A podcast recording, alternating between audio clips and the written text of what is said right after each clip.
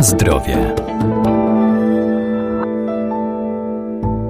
Rośliny zielarskie obok walorów smakowych i zapachowych zawierają szereg ważnych składników mineralnych i witamin. Mają też działanie lecznicze, wspomagając nasz organizm w stanach chorobowych. Dziś powiemy o wartościach i właściwościach lubczyku oraz oregano.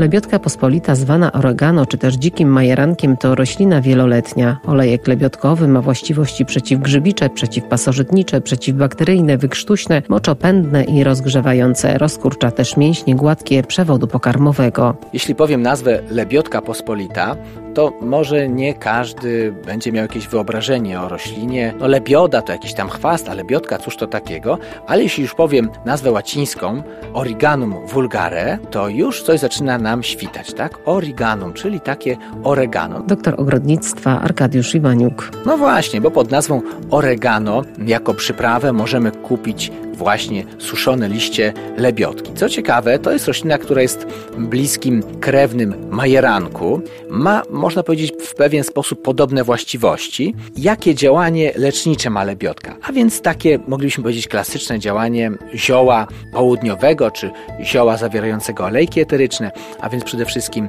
poprawia trawienie, poprawia działanie układu pokarmowego. Dobrze też spisuje się w walce na przykład z przeziębieniami, z nieżytami górnych dróg oddechowych, i, tak jak wspomniałem, może być tą przyprawą dodawaną do mięs, do sałatek, czasami do zup i sosów, a więc o takim dosyć szerokim spektrum zastosowania.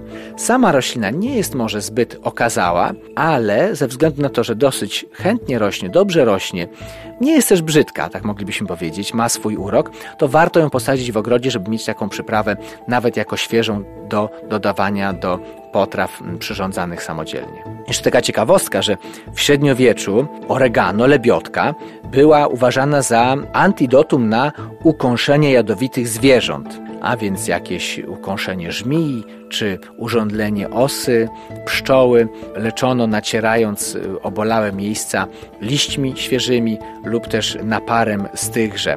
Można jeszcze dodać, że ma takie praktyczne zastosowanie, że podobno odstrasza mole, a nawet jeśli by nie odstraszyła, to na pewno położona w szafie będzie ładnie pachnieć.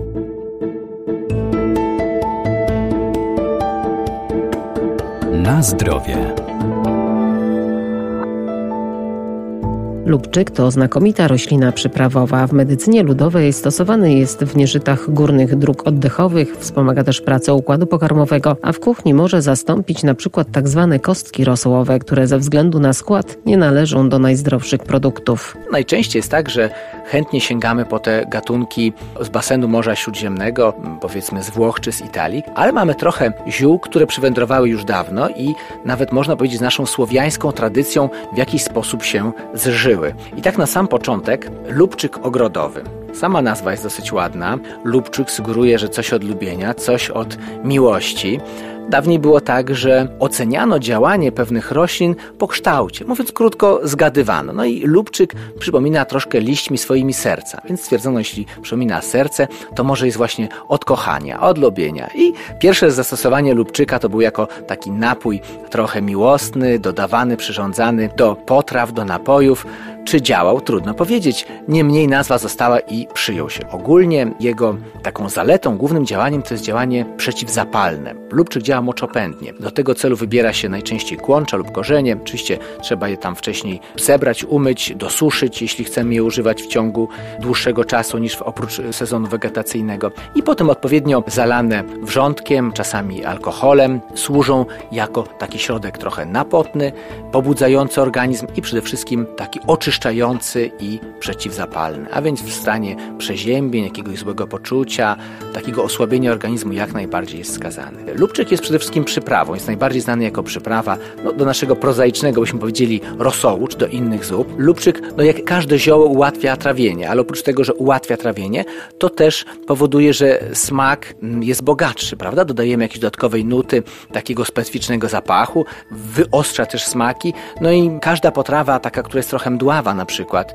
czy jakieś mięso, czy jakaś kasza o niezbyt wyszukanym smaku przez lubczyk nabiera szczególnego aromatu, szczególnego smaku, dlatego warto go dodawać, no oczywiście jak najbardziej do zup, ale tak jak mówię, do kasz, do wielu innych potraw, do mięsa również.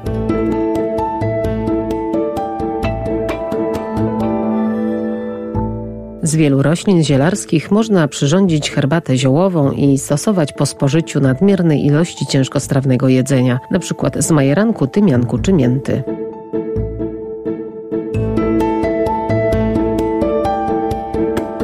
Na zdrowie.